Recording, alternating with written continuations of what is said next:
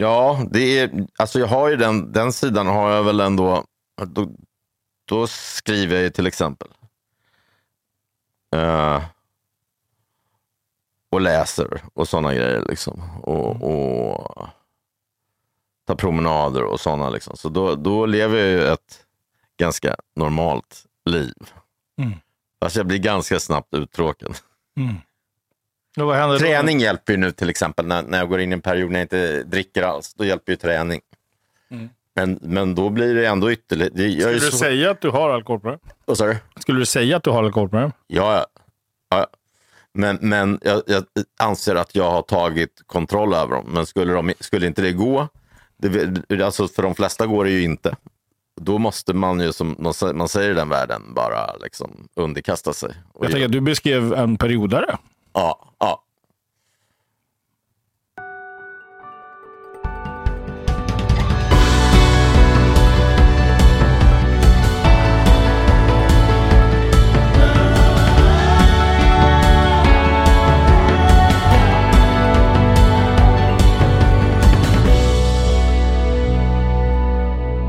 Så. Jag, jag, jag blir nyfiken på den här. Jag, jag, nyfiken på din Allt relation, går i bitar. ja, och din relation till poesi. Ja, den där sattes faktiskt upp som pjäs av, eller det blev som en pjäs. Ola läste den inte som poet med, med Ola Rapace, Ja. som med stärkrage här på Polisteatern och Ny Teater i början av februari. Utan det blev som en ren pjäs, vilket faktiskt, jag har ett brett skrivande.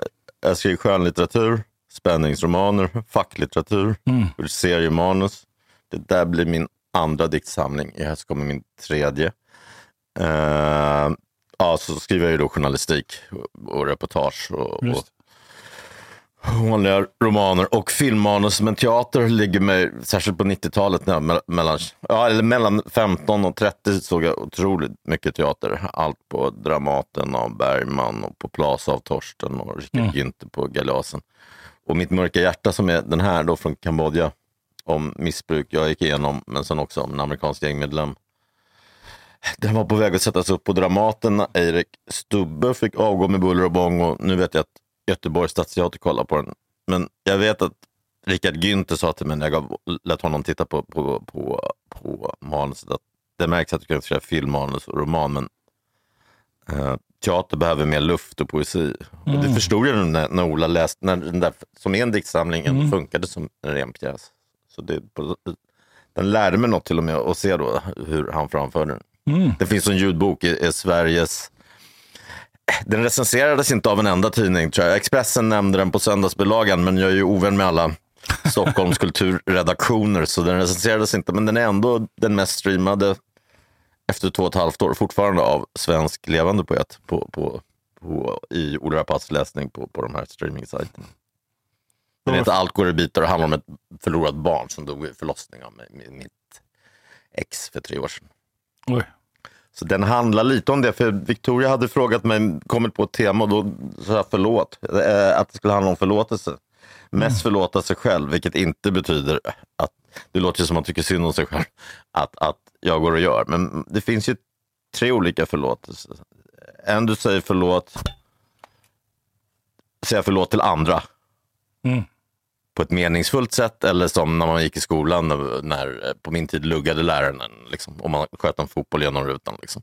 Och då menar man kanske inte förlåt heller. När man så, eh, och ibland är ens föräldrar tvingar en att säga förlåt. Eh, Sen finns det ett förlåt med eh, Gud, som ett klassiskt tema. Mm. Som den här diktsamlingen tar upp. Mm. Eh, jag kan nog ha tyckt, och det handlar om förlåtelse med sig själv, att, att det här hände mig för att orätt, eh, dåliga saker jag gjort i mitt liv, liksom att här, här kom det igen. Men det kom in på det tredje, det där förlåta sig själv. Så förlåta sig själv eller förlåta... Men jag tänkte, ah, här kommer det in på det.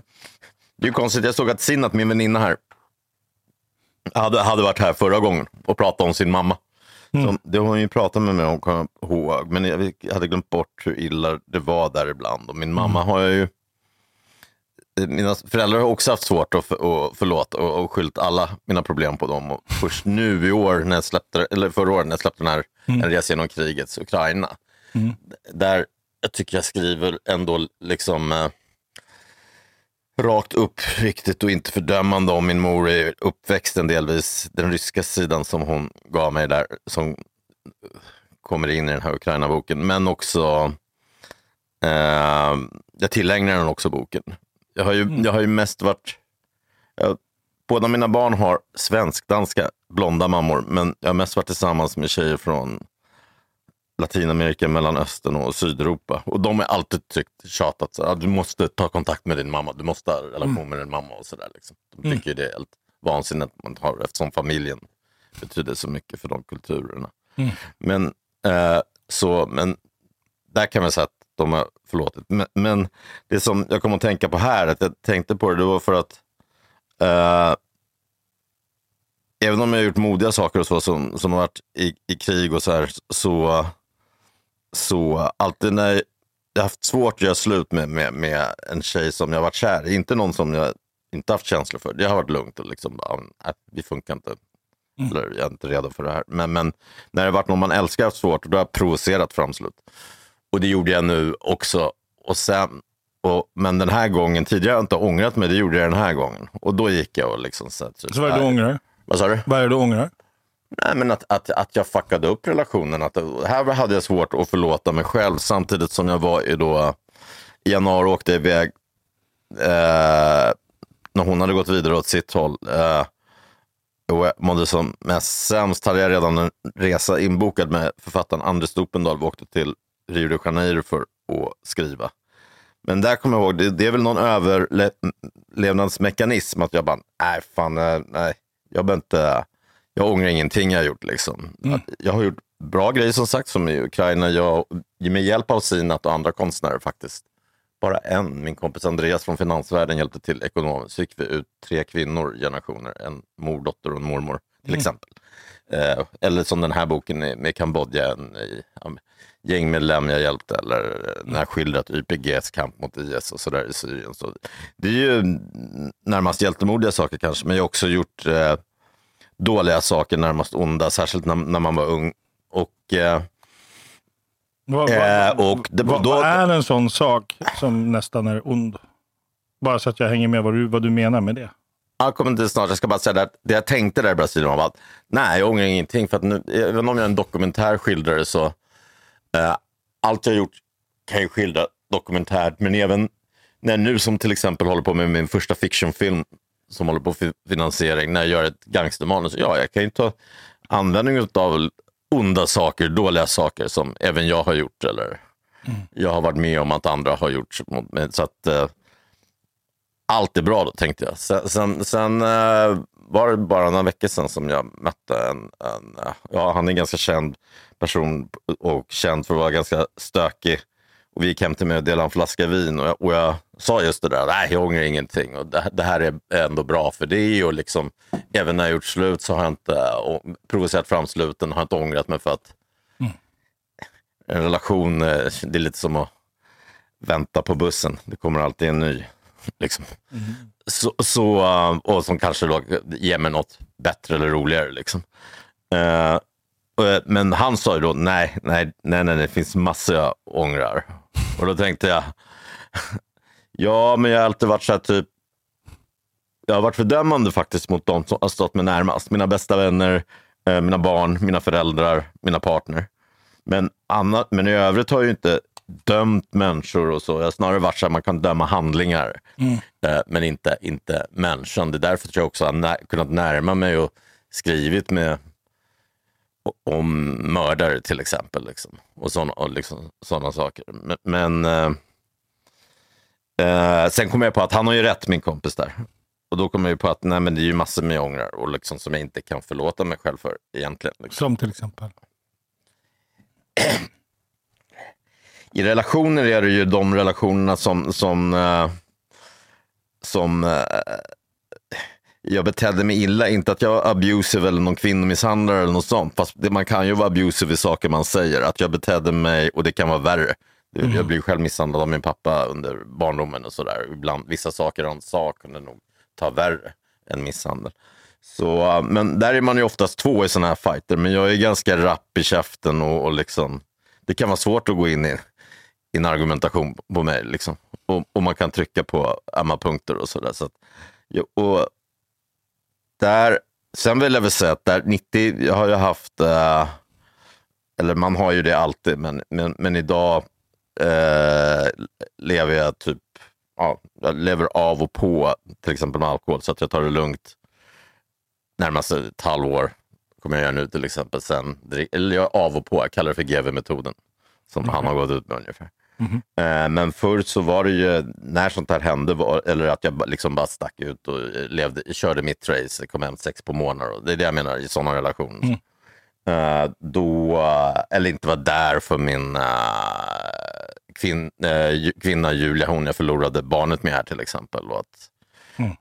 där sörjde vi på fel sätt. För jag kommer från en barndom, en kaotisk barndom. En kaot, och då har du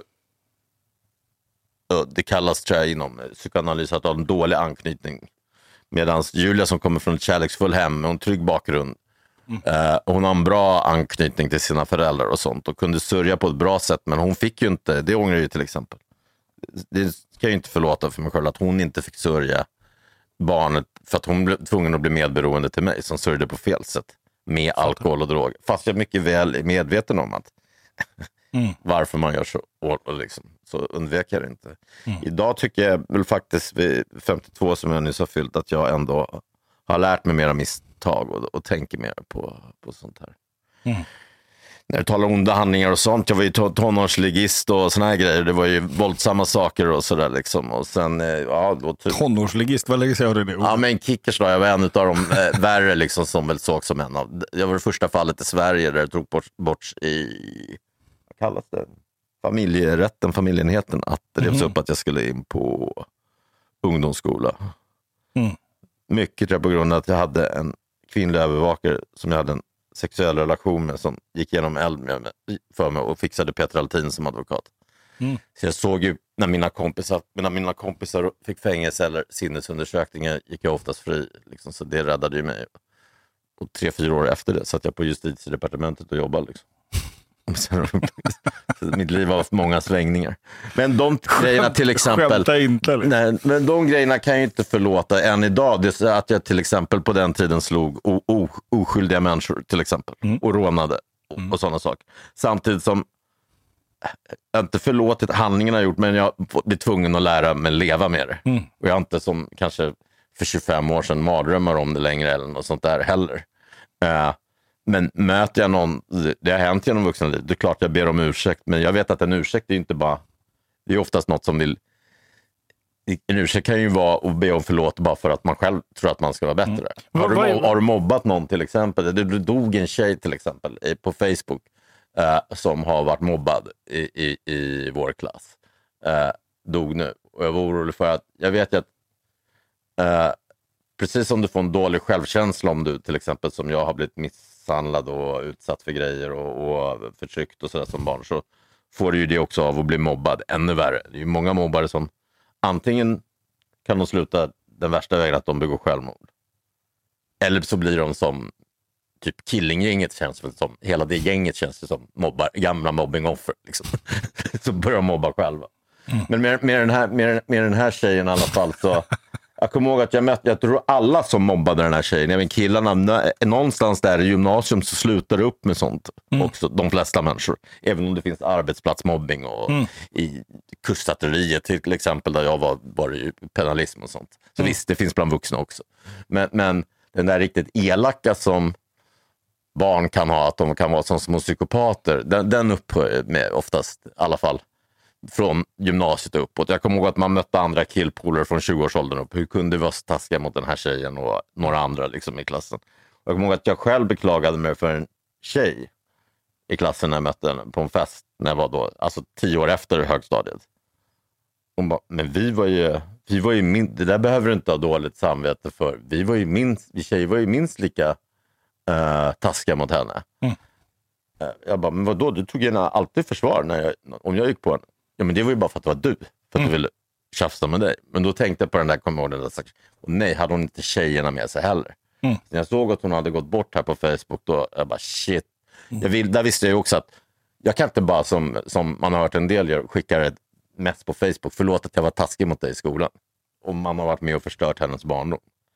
Så jag var ju beredd på, ungefär som på A har du det nionde, åttonde steget, att du ska be om ursäkt. Men när man, som de flesta, tar, det tar mest emot av de flesta för att man skäms så mycket. Och ska man bara ringa just så här. Men det behöver man inte göra, det brukar jag förklara för när jag hjälper unga kids med missbrukarproblem. Att, att uh, du kan ta det den dagen du möter dem mm. i barnpark, park, parkleken eller när det är. Och det hade jag tänkt göra med den här tjejen. Liksom. Okej, okay, jag vet att det inte att, att, att, uh, finns ingen ursäkt mm. för, för vad, vad jag och mina vänner har gjort. Mm. Liksom. Men, men, ja, du ska veta att jag har äh, ångest över det här och, då, och bla bla bla. Liksom. Jag har i alla fall försökt förklara för henne så att hon också kan få säga sitt, mm. vad hon känner. Äh, även om jag som sagt, jag förlåter inte mig själv för det och jag räknar inte med att hon skulle förlåta henne heller. För Men vad är självförlåtelse? Jag är nyfiken på det. Ja, den självförlåtelse jag tänker på väl lite, det är väl lite... Vet du vet, vet vem Bosse Lutén är? Ja, berätta mer radioprofil som var med i något punkband som de var med på Ebba Gröns, de var från Mörby. Kan det varit de som hette Mörbyligan? Nej, jag vet inte. Men, men de var, jag tror att de var från Mörby, Täby där omkring och med på den här legendariska spelningen där Imperiet, nej Ebba Grön var den ena. Mm. Sveriges första punkspelning. Någonstans Han var en 13-årig trummis i ett band med en typ 27-årig sångare. Och så var de andra musikerna kanske var 18, liksom, som man är i band. Men 27-åringen som sen blev journalist på DN var pedofil då, utsatte honom för övergrepp, handlar hans bok om, som heter eh, Jag älskar den pojken. Vilket, och jag förstår, då, när man läser den förstår man ju också titeln, att, och det är en bild på honom som pojke. Att, men han, var ett, han var ett oskyldigt barn som blev utsatt för grejer. Mm. Eh, och Det skapar ju, och särskilt när han också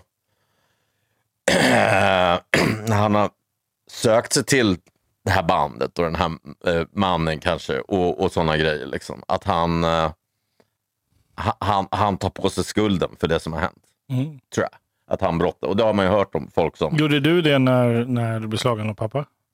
Ja, det tror jag har, har gjort.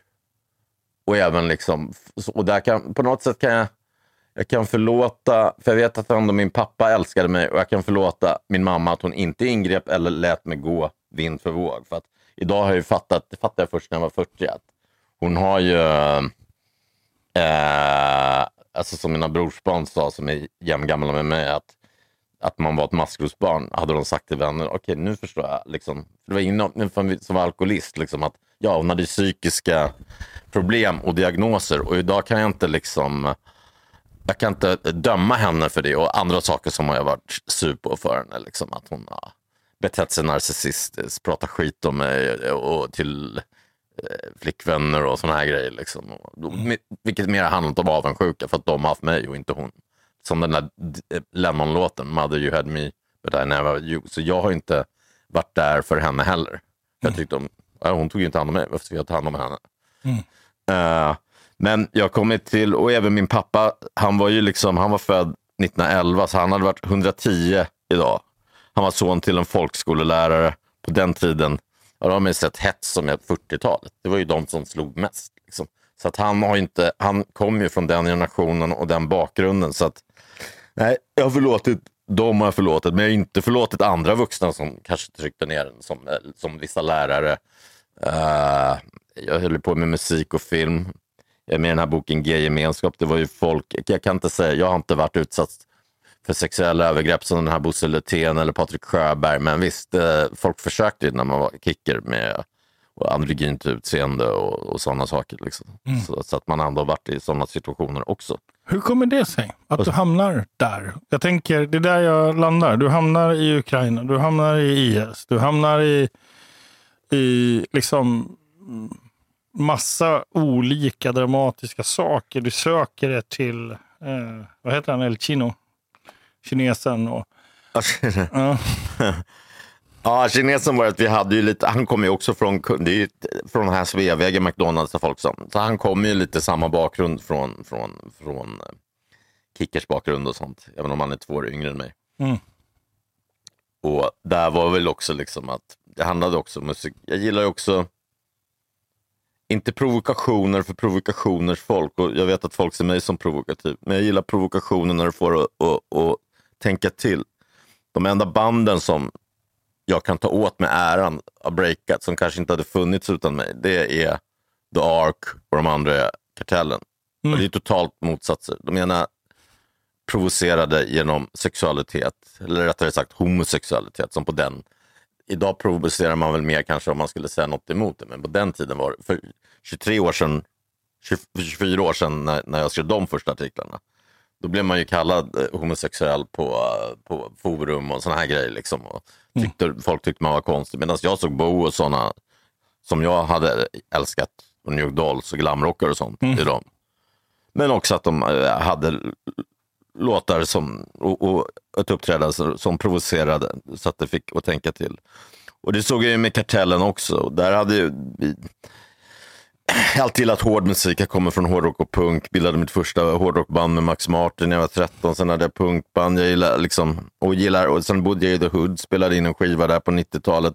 Då var ju alla mina i en hiphop-studio. Mina vänner var ju och från Jamaica. Det, det är ju där LKG och, och, och 50 Cent alla kommer ifrån. Så jag, jag, jag umgicks ju med svarta gangsterrappare där. Hur kommer det sig? Hur kommer det sig att du hamnar i alla de här grejerna? Så, så där såg jag bara att min, min dåvarande tjej, jag hade bara haft, mina barns mamma till exempel är eh, överklasskvinnor på, liksom, ja, besläktade med inom Wallenbergsfären och sånt på den nivån. Så att, här var jag trött på dem och, och, och så jag gick till en, så jag blev ihop med min dåvarande langare istället. Som var från Jordbro och växte upp med kinesen. Så då kom jag i kontakt med dem och hon beklagade alltid, för jag skrev mycket om hiphop. Jag började som musikjournalist. Eh, att i varenda land så är hiphop för gatan. Liksom. Eh, det, det är i Frankrike, Brasilien, USA, det, det är gatans. Liksom. Utom i Sverige. Här är det bara Södermalm och, liksom, de rappar om kaffe latte och Petter sjunger det går bra nu medan det går inte bra. Liksom. Äh, och Mange Schmidt sjunger och äter glass. Liksom. Äh, jag bara, åh, ja, fan du har poänger liksom. Och, sen, kom, så, sen fick jag höra det där med, men det här livstidsdömd gör musik. Och hon bara, men det är Masse som gör låtarna. Jag visste ju att Masse var den som var, även om han inte var med Latin Kings så var han ju den som var liksom deras Brian Wilson, geniet där bakom. Jag bara, men då är det intressant. Det här bandet kan break över ett dygn. Och de har en löpsedel dagen efter jag första artikeln, vilket de hade och vilket jag gjorde. Och, och ja, enda villkoret som jag också satt till Kartellen, prata inte skit om någon från Odenplan där jag växte upp. Eh, Sleepy och Mange Schmidt. Då, men i övrigt skit om ni driver med Ken eller. Eller, liksom. Ken hade suttit tror jag för eh, kvinnofridsbrott typ, och, och ett gram kola ungefär. Liksom. Det, det, och såg som Sveriges Old Dirty Bastard. Liksom. Honom satt i kartellen då på plats ganska snabbt i den artikeln. Så att de förändrade ju allt. Medan jag idag tycker att vi har skapat ett monster. Inte minst för att sådana som Einar har dött och som hade kartellen som idoler och sådär. Men hade inte, hade inte de kommit hade det någon annan eh, skrivit om det förr eller senare. Även om just då var jag nog den enda i Sverige som vågade göra ett sånt reportage. Och jag blev ju också misstänkliggjord. Medan andra förstod också då att liksom, skjut inte budbäraren. Liksom. Och allt de varnade för med, med, med brända bilar, sten mot, eh, eh, sten mot polisen och sånt. Det är ju det vi ser idag. Ja. Och såg sen, redan sju år efter. Medan då kallade Per Gudmundsson den där äh, krisen på SVTs ledarsidor. Att liksom de lät som griniga sosskärringar och så här. Och borde vara nöjda över en simhall i Alby ungefär. Medan Mm. allt, allt, allt, eh, allt, allt de sjöng och rappade om förr. Mm. Så hur förut kommer det sig att du hamnar i den här typen av miljöer hela tiden? Jag, jag är väl en rörlig person och sådär och, och som rör mig i många olika intervjuer, eh, miljöer. Och Jag kan känna igen min vän som Per Hagman som inte, han skildrar ju då smutsen eh, genom ytan hos överklassen. Jag skildrar väl kanske smutsen rakt av då i, i, i, i, eh, och kanske, men också det vackra kanske i gatan. Liksom. Men jag kan känna igen mig i honom när vi har pratat att man inte är hemma någonstans. Jag är ju växt, min pappa var medelklass då, författare. Mamma växte upp i överklass, klasskamrat med prinsessan och sådär i, i, i, i eh, franska skolan, dåtidens privata skola. eh, och, och jag har precis fått reda på att min biologiska morfar är Sveriges Great Gatsby, han Gunnar Kassman och, och, och sådär. Så att eh, på mormors är det ju högborgerlig, för att inte säga överklassmiljö. Medan kompisarna där i Vasastan, det ska man komma ihåg, på den tiden var det fint att bo i förort. Hos pappa i Farsta, Gubbängen, där åt jag oxfilé. Medan här i Vasastan, och, eh, det, Vasastan kallades 1986 när vi var 15 kickers för Sveriges farligaste plats.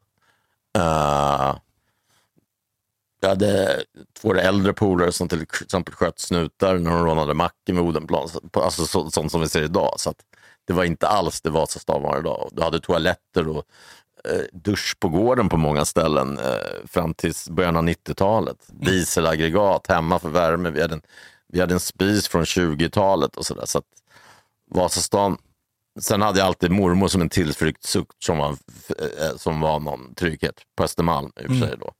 Och en herrgård hade hon i, i Värmland. Men det växte också upp över hela världen med min pappa på somrarna och sådär. Som tas upp i den här Ukraina-boken. Mm. Karibien, Latinamerika mycket med honom och, latinska världen och den ryska världen med mamma som var russofil på somrarna och så. Mm. Och hjälpte ryska flyktingar ut. Så, så att jag har ju levt en annorlunda liv. Liksom. Ja, Min pappa när jag var 11 och 13 då, när man, som sagt, man levde fattigt i Vasastan. Sen 11, sen på somrarna reser runt hela världen och hänger med farsan och på The Factory med Andy Warhol. Och, så, liksom. så det, det, det var en, ja. Men det har gjort också att, det, det har gjort att, att jag kan känna mig hemma överallt och ingenstans på något sätt. Mm. Och det kanske har gjort att jag hamnat i de här miljöerna. Mm. Du är hemma överallt och ingenstans. Och Mm. Så när, när, när mår du som bäst, Cyril?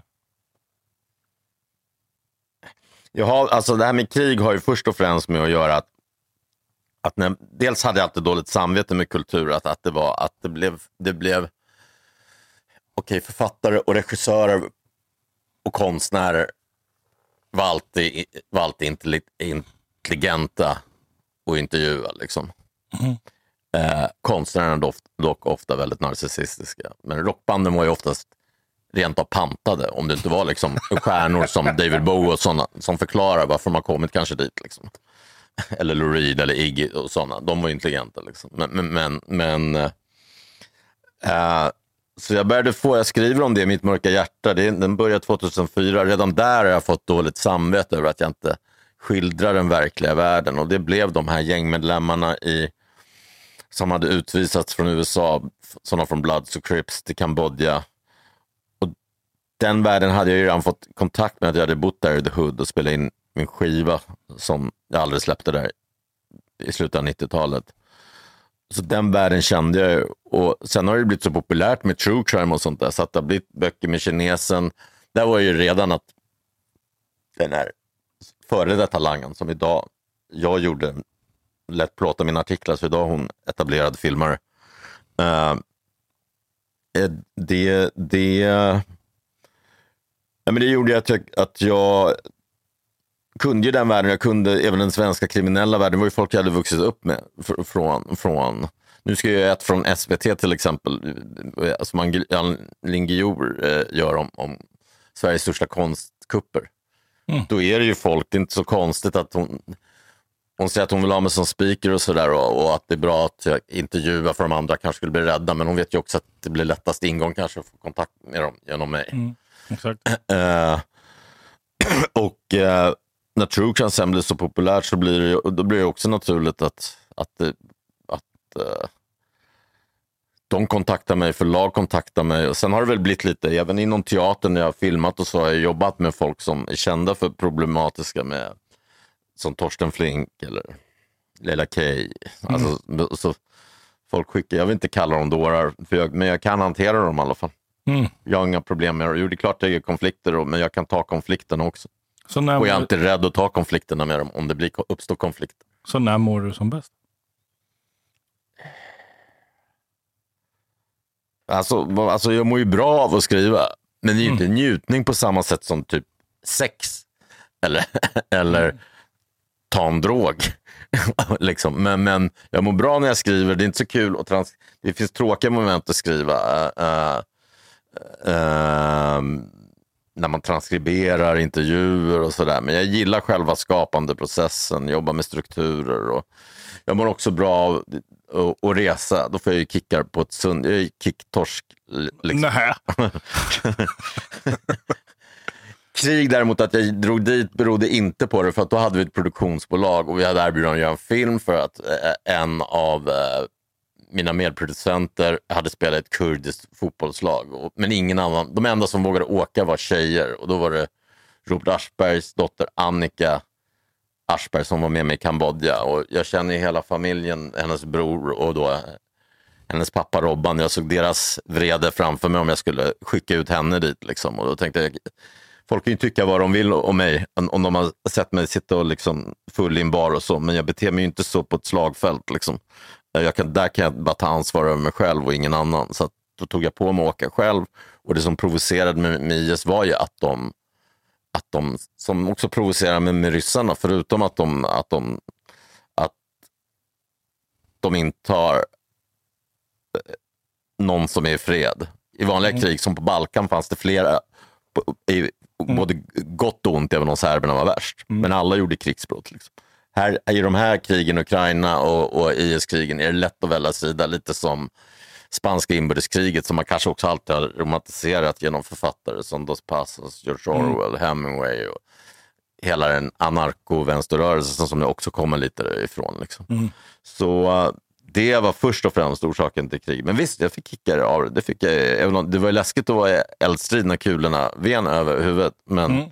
jag kommer ihåg att när jag kom hem från från, från Syrien så var det en utrikeskorre som hade jobbat i Somalia som bjöd ut mig för han ville kolla hur jag mådde. Att, fan shit, du kan få posttraumatisk stress. Mm. Det kan komma upp till sex månader. Och just när vi sitter där, blir en, blir en snubbe, vi sitter där vid, eh, vad fan heter det, Babylon vid, vid, vid moskén.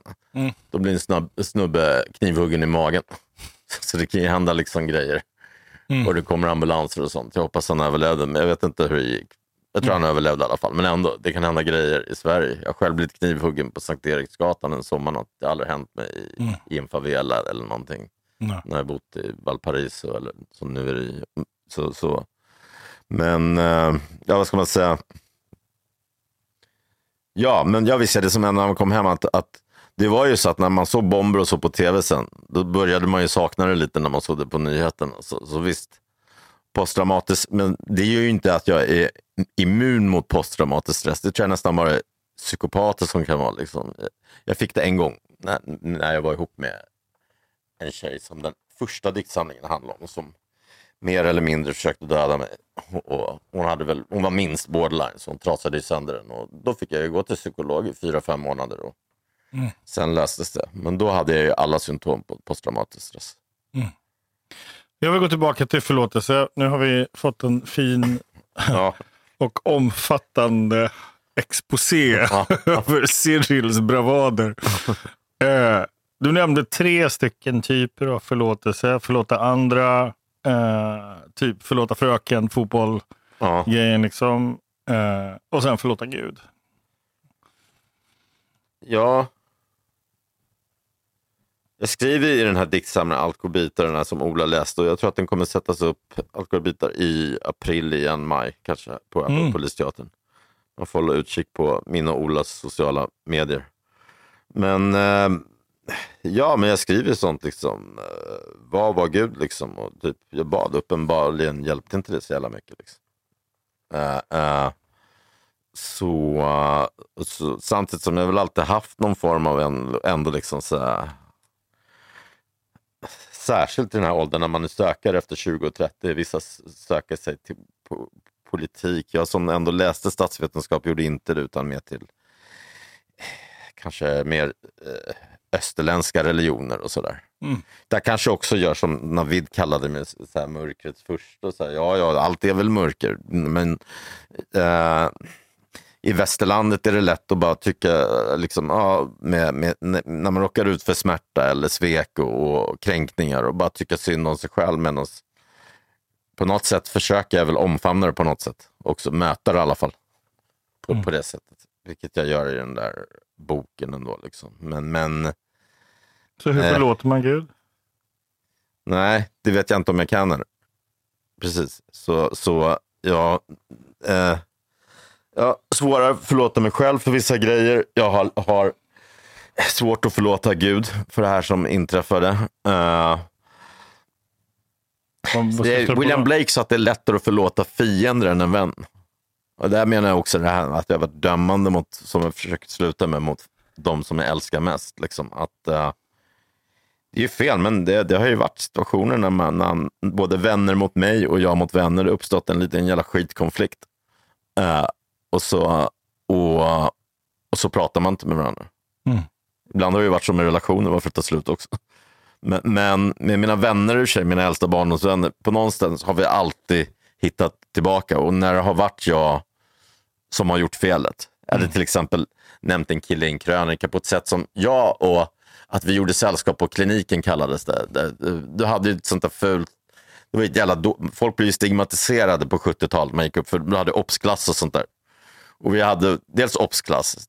Det var inte där min kompis hade varit, utan på kliniken där de som hade lite problem med, med, med, och, och med matte eller engelska eller något sånt där uh, uh, fick komma. Ja. Jag hade ju snarare lätt för allt. Jag kunde fram till liksom slut, ja, fram till, tills jag gick ut högstadiet, till gymnasiet så kunde jag allt typ ändå. Liksom. Jag började läsa och skriva när jag var fyra. Mm. Med, med farsan så kunde jag engelska och franska och sånt på somrarna. Och sånt lite, så att när jag hamnade på kliniken var det mer för att jag kallade fröken för hora eller något sånt där. Så slängde de ner mig dit. Då, då var det bara, jag tyckte det bara var kul för att hamna bland de tuffa grabbarna. Och sen, eh, sen var inte de, hade ju inte de vassaste besticken i lådan, de lärarna där. Så jag brukade ta över lektionerna i engelska mm. till exempel. och så där, liksom. Så mm. för mig var det bara kul att hamna på kliniken. Medan den här killen, min, min, en av mina bästa kompisar då, som fick sitta där ganska ofta. För att han vägrade gå i obsklass, vilket var bra att han stod på sig. För där blev man ju stigmatiserad på riktigt. Men jag skrev en krönika där jag tyckte det var roligt att han och en, klassens pluggis var de som hade blivit rikast i klassen. Ekonomiskt oberoende och sånt. Liksom. För att han var jävligt driftig på pengar och, och, mm. och, och sånt. Och, och företagsam och så. Men han tyckte det inte var lika kul att läsa det. att vi hade liksom suttit där nere på kliniken. Så att, då är han skitsur. Till, eller han, han gav mig chansen att förklara mig, men jag såg det också. Bara, fan, det här är inget att fastna på. Fattar du mm. inte att, att, att jag ärat dig? Liksom? Mm. Det är det det handlar om. Men sen liksom när, när åren går och har gått tio år, då fattar jag. Okej, okay, det här är mitt fel. Då ringde jag upp honom och det är det jag menar. Man kan inte bara, vissa ibland som har dåligt samvete. Ja, förlåt för att jag var otrogen. Förlåt för att jag gjorde det det räcker inte bara att säga förlåt. Så det blir ju som det där när läraren tvingar en för att man, som jag sa, man sköt, mm. sönder, sköt sönder en ruta. Utan du måste, ju, du måste ju möta den personen och förklara dig varför du förstår att du gjort fel. Fråga hur den upplevde det här, hur den känner mm. nu och hur vi kan göra liksom för att gå framåt. Just det. Ja, eh, självförlåtelse. Eh, jag är inte hemma någonstans. Och jag skulle säga mer om det där, precis som jag sa, av självförlåtelsen där. Jag förlåter till och med mina föräldrar för sådana grejer som jag vet har satt mina ärr. Och, och det är ju sådana grejer också som gjorde att jag fick, för jag vet, jag jobbar med missbrukare och jag känner så pass många missbrukare så jag vet att de har varit med om liknande grejer. Eller så. Mm. Men det är inte bara föräldrarna utan framför allt andra människor kanske också. Vissa lärare och sånt. Så, så andra människor. Ja, ja, ja, och, och tryckte ner en kanske rent av. Mm. Och, och, eller folk, och folk som utsatt den för andra grejer och kränkningar. Uh, och sen var det ett intrikat system. Jag sa ju själv att jag hade mobbat. Men jag kommer ihåg att jag läste på Flashback någon gång när, när jag började dyka upp där. När, när man började publicera sig för, för 25 år sedan. Ja, Cyril var en mobbad tönt som gjorde allt för att vara med de stora. Då tänkte jag, ah, men fan vad bra mm. det här. Jag blev inte dugg eh, illa berörd av det. Jag som var rädd att jag hade mobbat. Mm. Sen mötte jag en annan polare som sa men han, i hans värld är jag politiskt korrekt. För de ser igenom, många ser som inte det, men de ser ju att jag i grunden är det även när jag provocerar. Som, Så man, man fattar till exempel att Holbeck egentligen är politiskt korrekt igen, ibland genom sina Mm. provokationer. Om han gör en bok där han, som handlar om Thailand när de åker och knullar horor, att det handlar egentligen om det vedervärdiga i det. Liksom. Eh, Så det fattar ju mina kompisar. Han menar att ja, du har nog kanske blivit så PK för att du, du var ju en översittare typ ungefär. Så vi hade ett intrikat skolsystem där de äldre satte sig på de yngre och tvärtom. Och man, väntade, man väntade tills den dag. Man bara hoppades att en dag är jag Vi är ju äldst. samma generation du och jag på något Ja. sätt. Jag tänker på den, den, den, här, den lilla killen, Cyril. När fattar han eh, att eh, han kanske inte har det som alla andra?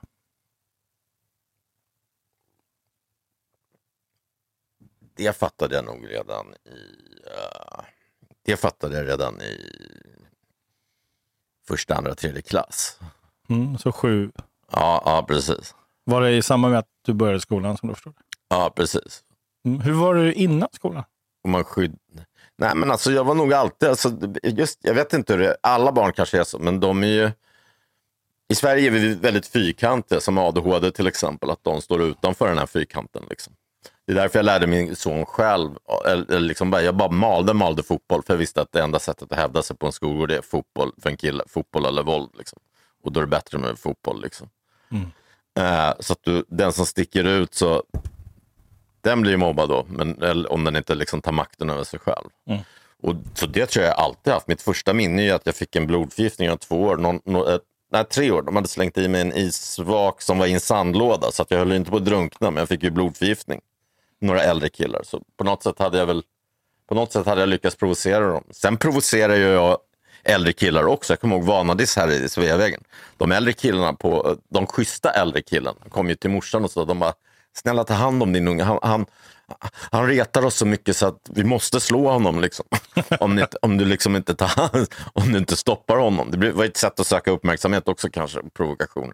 Särskilt när du har, kommer från ett våldsamt hem, att du blir, du blir tvärtom egentligen. Mm. Så så är det nog. Och med hem i, just i skolan, när min mamma med psykisk ohälsa, du vågar ju inte ta hem kompisar och sådana grejer.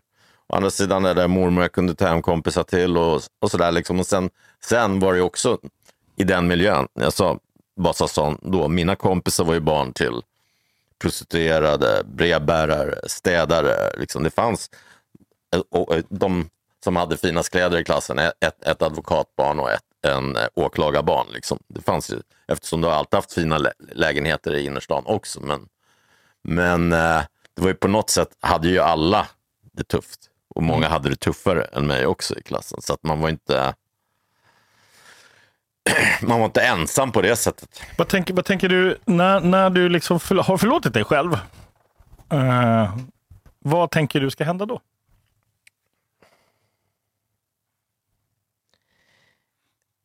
Lite med att man, får, att man kanske får mer ro och, och, och tillfreds. Och, och sen, Och vad menar och du sen med inte ro? upprepa, vad sa du? Och vad menar du med ro?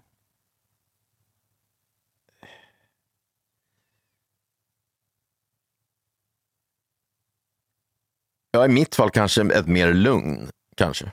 Även om jag, jag har ju den här att jag måste hela jag har ju sån energi att jag måste hela tiden göra grejer. Mm.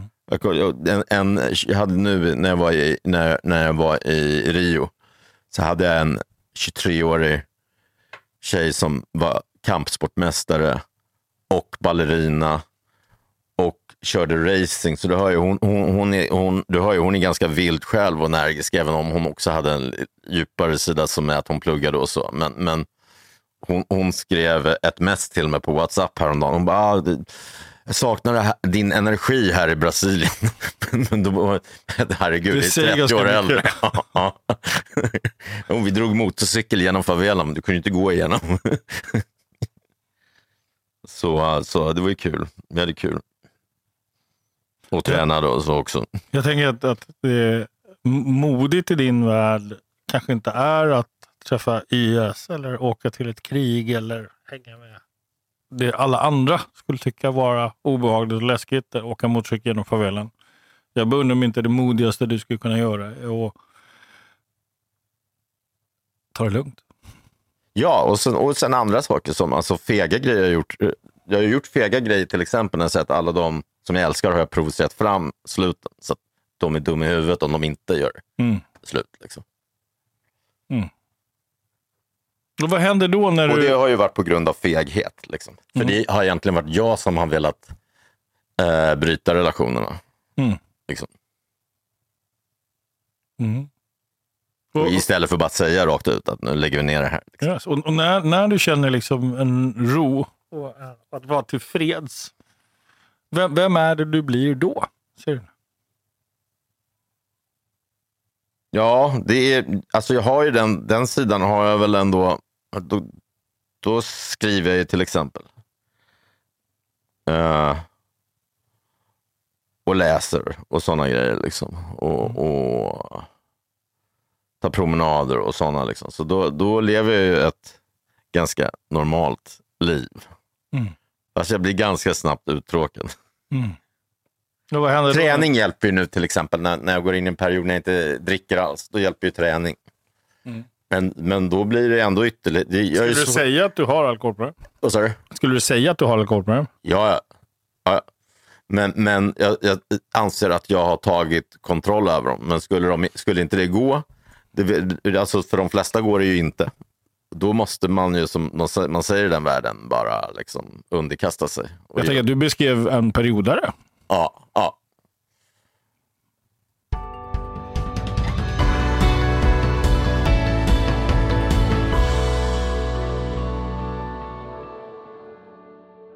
Nu vet jag att du är fullt fokuserad på det här fantastiska samtalet som Alexander har. Men det kan också vara värt att bara ta en minut och zooma ut lite. Fundera lite på vad det är som händer i just det här samtalet när Alex coachar en människa. Det här är ju vad Alex gör hela tiden.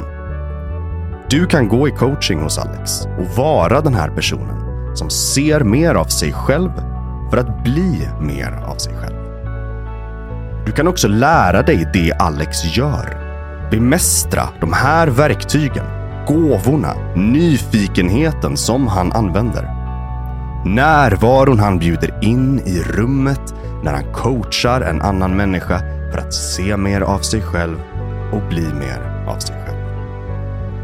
Det går att lära sig på Alex utbildningar och om du bara blir berörd av det här samtalet och vill att andra ska upptäcka det så får du väldigt gärna dela med dig av det här samtalet på Instagram eller LinkedIn och skriva några rader. Eller gå in och betygsätt podden. Då blir Alex jätteglad. Så, bli coachad av Alex.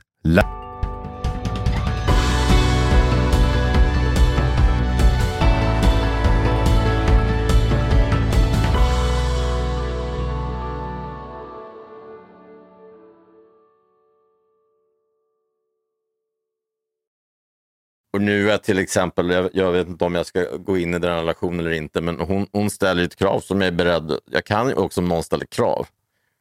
Hon, hon har ju Asperger så de har ett fyrkantigt liksom men det är ganska, jag behöver krav också som ADHD-människor, som ADHD-barn.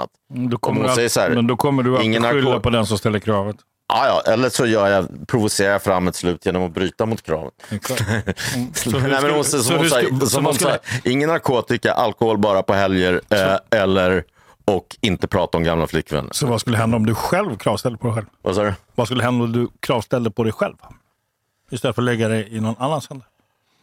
Ja, det är väl där jag försöker vara nu. Att jag försöker till exempel, och, och det är det som, eh, som jag kör med, som, ja. Nu jag ju ett krav till exempel på typ uh, träna hårt fram till typ slutet av augusti. Mm. Vad sägs om att vara nykter? Under den tiden ska jag vara det. Ja, då, Nej. är, då, då är det helt, ja. Nej, överhuvudtaget. Att, att inte dricka mer. Ja, det, är det, nu, det är väl ett krav jag har ställt på mig lite. Att, att efter det, om jag märker att det skulle gå uh, och att peppan då, att det går så att du liksom... Uh, För det vet du också. Du har träffat dem också. Ja, Du har träffat dem som är missbrukare. Du har också träffat dem som har valt att bli nyktra och hur de har det. precis, precis. Mm. Så vad hindrar dig från att välja att leva ett sånt liv?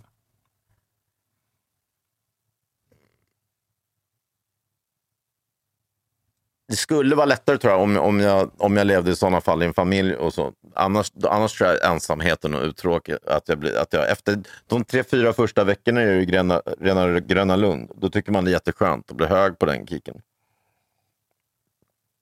Och så i kombination med träning och sådär. Men sen efter ja, sex veckor eller någonting, då, tycker man, all, då blir man mer likgiltig och tycker grejer, saker och ting är tråkigt. Vilket, lever man i en familj med små barn så, så funkar det bättre att liksom hålla, liksom, eller om, om du har ett annat ansvar. Liksom. Mm. Men då pratar du om ansvaret för någon annan. Jag pratar Precis. om ansvaret för dig själv.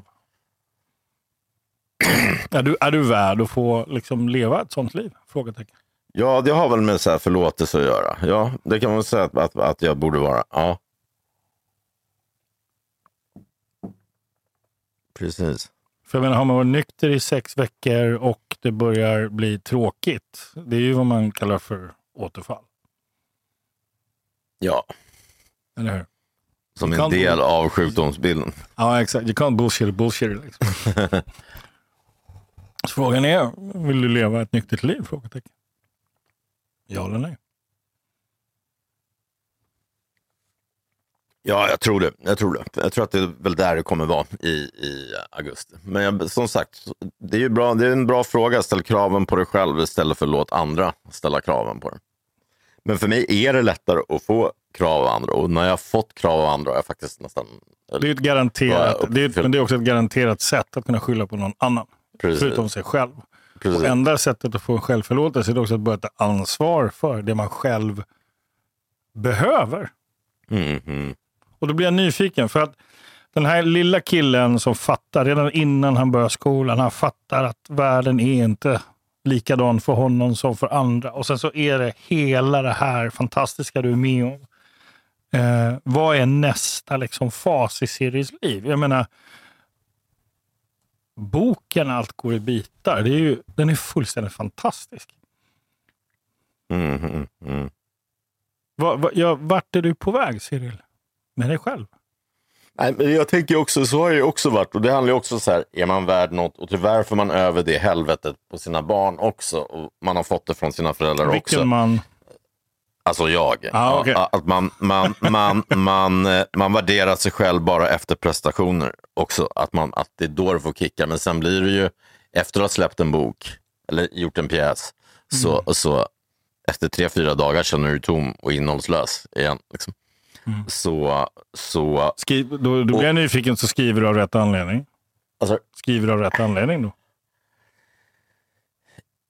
Ja, det, ja för att jag, jag skriver ju också de... Nej, ja, det gör jag. För jag, jag, sitter inte skriver, jag sitter inte utstuderad som Jens Liljesland och sitter och skriver en bok om miljöka... Jag sitter i Greta Thunbergs land och skriver en bok om, om, om miljöförstöring. För att få den såld och tjäna så mycket pengar som möjligt. Nej, Utan, jag skriver utav... eh, i bitar var ju terapi för att gå vidare. Eh, det var nog mitt mörka hjärta också. Resa genom kriget var... Ja, där var det kanske lite, jag, ska vara först, men också jag har något att berätta här eftersom jag var också redan från bakgrunden och en vecka innan vi åker, vilket vi gjorde kanske för kickar, han, jag och, Knausgårds kompis som jag berättade om. Men då får jag reda på att jag har 14 namngivna släktingar genom en DNA-test hos morsan i Ukraina. Så då blir det personligt också. Så att, Nej, jag tycker jag har haft mina anledningar till dem. Men, men såklart, jag har ju, jag ställer alltid som Aristoteles pratar om onositeos. Som jag tror i och för sig att du hela tiden vill steppa högre och högre och högre för att nå ditt mål. Teos är Gud, står ju det för på, på grekiska tror jag. Men sen är ju konst som idrott Sisyfos-myten, stenen som hela tiden rullar ner. Så det är jag ju medveten om. Men jag har saker jag vill göra och det, gör, det är ju krav också som jag vet att jag har inte tid att slösa bort mitt liv på till exempel eh, alkohol på det sättet. Som nu med, med ja, det är flera böcker som ska ut, och, men framförallt nu är nästa steg eh, film. är en färdig dokumentärfilm, men det är ju framförallt fictionfilmen som om... Eh, det är ju tur där i... Jag skrev i en resa genom krigets Ukraina i, då vi i, för exakt ett år sedan på en, station i Lviv, där jag kanske är imorgon på den stationen. Det vet vi inte än. Jag åker till Krakow idag. Åt vilket håll jag åker, om jag åker till Berlin eller Lviv. Men i alla fall, på den stationen så säger um, Geir Angel Öygård, den här norska sociologen som för svenskar är mest känd som Knausgård sidekick i Min kampböckerna. Uh, men i Danmark och Norge ses han väl lite som en Hunter Thompson minus drogerna. Men han säger i alla fall, ja, mitt problem, han har levt 30 år på Österlen med fru och barn. Var femte år åker han ut i krig. Ibland som mänsklig sköld, han till och med varit i Irak och så här, ja, mitt, mitt problem är att jag vill alltid leva så här, men det går ju inte för, för frun och barnen. och så här. Ja, mitt problem är att jag kan, men, men, men ekonomiskt så visst, jag går ju inte minus. Eh, men jag går ju bara plus minus noll och pengarna kommer ju oftast först i, i efterhand genom eh, royalties och stipendium och sånt. Liksom. Eh, så jag skulle behöva en mecenat. Sen tre veckor senare, eh, jag skrev ett förord på, till en pjäs uh, av, uh, nej, Torsten Flink ska köra paria, men, ah, men han, han, han tar för mycket tjack eller något, så han tycker inte upp eller kapabel att, att göra den. Så då blir det lite som en skolträff på något, man gick och minglade med folk. Men där, har, där kommer det fram en, en ekonom som bara, ja, uh, eh, jag är beredd att bli din mecenat om du aldrig viker ner och fortsätter vara som du var, skriva som du skriver och säga, säga vad du tycker i podden och sånt så, så kan vi bilda lite bolag ihop. Så nu har jag ett allmärke, ett produktionsbolag, ett bokförlag och ett musikförlag ska väl också försöka skaffa där i Latinamerika så jag kan tillbringa vintrarna där. För då, vin, eller när det är vinter i Sverige är det sommar i Latinamerika. Så det är framtidsplanen till exempel. Och, men nu, nu ser ju mecenaten ut att kunna också fixa finansiering till filmen. Så då är ett mål. Men sen klart, då måste jag sätta upp nya mål. Men för jag har ju det där med prestationer. Jag, jag, inte, jag tror inte jag mår bra om jag inte presterar heller. Mm. Så kan, det är svårt att sätta sig i ett kloster som Leonard Cohen och, och även han checkade ju ut från de här klostren. Mm. Är det så du tänker dig, ett liv i nykterhet, att det är som att leva i kloster? Eh, uh, Jag har faktiskt en polare som var lite av min sidekick i en bok som heter Människor och indianer, min första 90-talsroman, som också levde ganska dekadent. Han gör ju det nu nästan, mycket med meditation och går in och, för, och, och, och sådär. Liksom. Så ja, men jag, det är inte jag beredd. Jag är inte, avstå, jag är inte beredd att avstå från sånt som sex till exempel. Eller relationer med kvinnor och, sånt. Eller, eller, liksom, eller att alla mina polare skulle vara munkar då. Liksom. det skulle vara en syn för gudarna. Cyril Hellman hänger med. ja. ja. Så i grund och botten så handlar det här i förlängningen om, om liksom din relation till ett missbruk? Är det så? Ja, jag tror det. Eller balans i livet. För jobbet är ju också ett missbruk. Alltså, blir, I och med att jag som sagt jag är överproduktiv där ibland och jag har ju gått in i väggen. Jag gjorde det. Jag fick ju, som jag skriver i Mitt mörka hjärta, där, en, psyko, en psykos som handlade, det handlade inte bara om missbruk utan det handlade om jobb. Alla människor får en psykos om de inte sover. Mm. Och de är med om också traumatiska grejer. Så, så, mm. så, det handlade om sånt. Så jag vet att jag måste ha en balans i livet. Med. Men som även nu, träning, även då när jag börjar med det, när jag går in i den perioden, går jag ju för långt där också. Mm. Och det vet jag kan bli, kan, det kan ju bli förstörande när du kommer upp, när du är 52 att det kan, jag har bra fysik och bra kropp för att träna och så, men, men det kan ju ändå komma skador då till exempel om du, om du tar det lugnt. Mm. Mm. Om, om det hade varit ombytta roller, Siri. Ifall det hade varit jag som satt och sa det du säger. För ditt liv, jag måste erkänna att jag känner igen ganska mycket från min egen uppväxt. Mm. Med allt ifrån mamman och frånvarande pappa och Latinamerika, konstiga sammanhang. Mm, och mm. allt. Så, var, var växte du upp? Växte du upp i Stockholm? Uh. Uppsala. Uppsala, okej. Okay. Uh, uh, Inte Gottsunda? Uh. Nej, men Flogsta. Okej, okay, -huh. Same same. -huh. och um, Eh, så, så om jag skulle sitta med dig och jag skulle be dig hjälpa mig med min självför, självförlåtelse, vad skulle du tipsa mig om då? Vad tycker du att jag skulle behöva göra för att börja förlåta mig själv?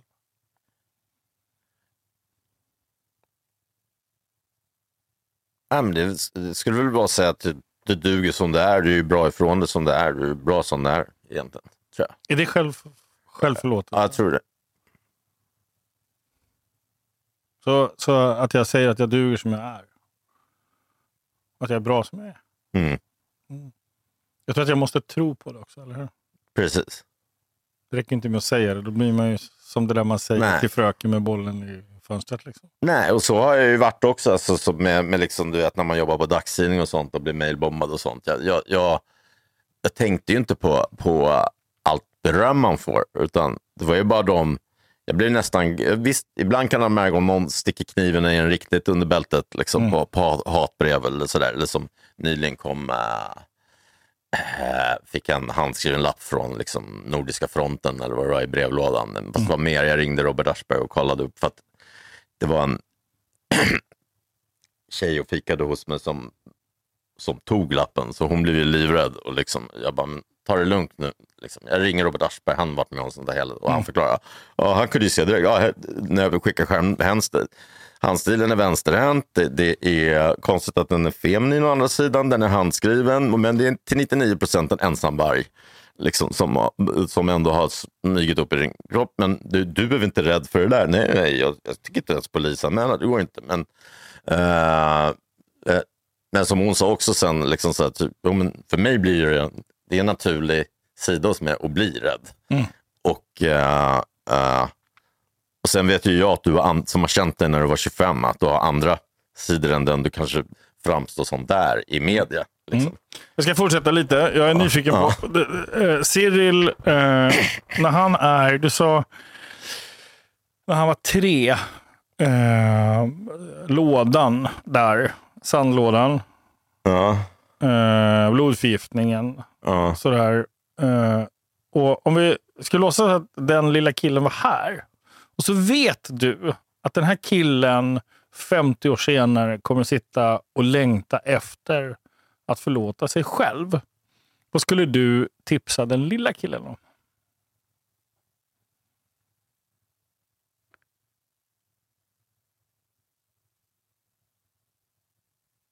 Oj, alltså, alltså, jag, jag pratar ju inte med treåringar på det sättet. Och jag har ju ändå liksom, eh, och jag, men jag har ju ändå varit... eh, Pratar inte med treåringar på det sättet. nej, men, de, Nej, men men, med treåringar, du gjorde jag, det. så treår, nej, men treåringar har jag varit mer, är jag mer fysisk med att jag ändå kramar dem eller läser en saga. Eller Du liksom. hade gett honom en Eh, kram. Ja, och här hade jag tröstat honom såklart. Hade han Och behövt det? Vad sa du? Hade han behövt det? Ja, det är klart.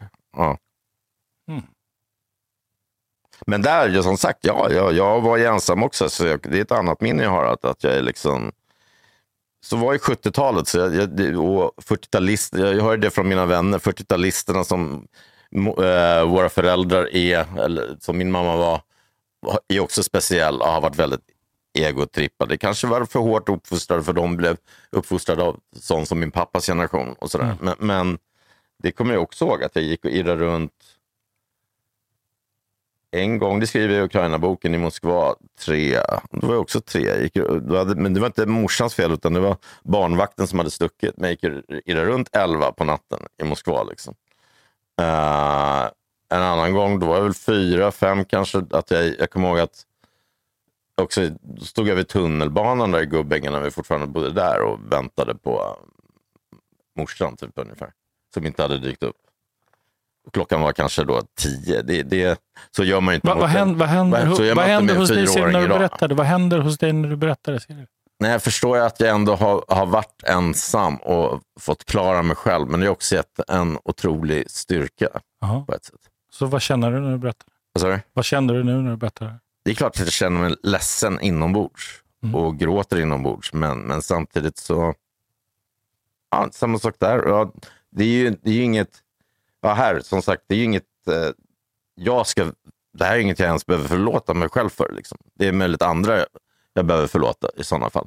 Men eh, jag försöker också se det lite som jag hade sagt till den där tuffa killen som jag hade varit hemma och druckit med. med att det har gett mig fördelar också som eh, grejer jag kan använda i min konst och Mm. i uttryck och styrka. Klara mig själv ändå liksom, i slutändan. Liksom. Jag tänker stanna där. Okej, bra, tack. Mm, vad tar du med dig efter idag? Ja, kul att vara här. Vad tar du med dig efter samtalet? Jag ska, jag ska fortsätta tänka framåt som jag faktiskt har börjat med de senaste veckorna. Men, men nu blir jag mer motiverad. Så jag märker att du är samtalscoach. Jag blir coachad. Och curlad. Ah, curlad vet jag inte. Uh, curlad. Eh, mm. Är det någonting mer du tar med dig? Nej, det ska bli intressant att lyssna på. Det kommer bli bra, tror jag. Mm. Ja. Tack. Ja, tack själv.